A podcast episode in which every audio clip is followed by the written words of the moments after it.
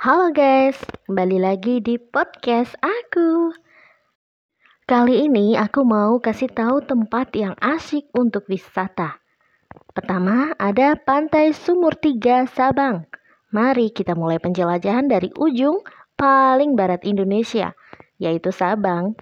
Di sini ada banyak tempat wisata menarik yang wajib Anda kunjungi. Salah satunya adalah Pantai Sumur Tiga yang terletak di kota Sabang Provinsi Daerah Istimewa Aceh. Pantai berpasir putih ini memiliki garis pantai yang panjang dengan air lautnya yang berwarna biru muda, lengkap dengan pepohonan kelapa yang tersebar di sepanjang bibir pantai. Tak heran kalau banyak orang menyebut pantai Sumur Tiga sebagai wahainya Sabang. Selain berselancar dan menikmati keindahan bawah laut, dengan bersnorkeling ria, anda juga bisa menginap di cottage yang banyak terdapat di sekitar pantai. Asik bukan?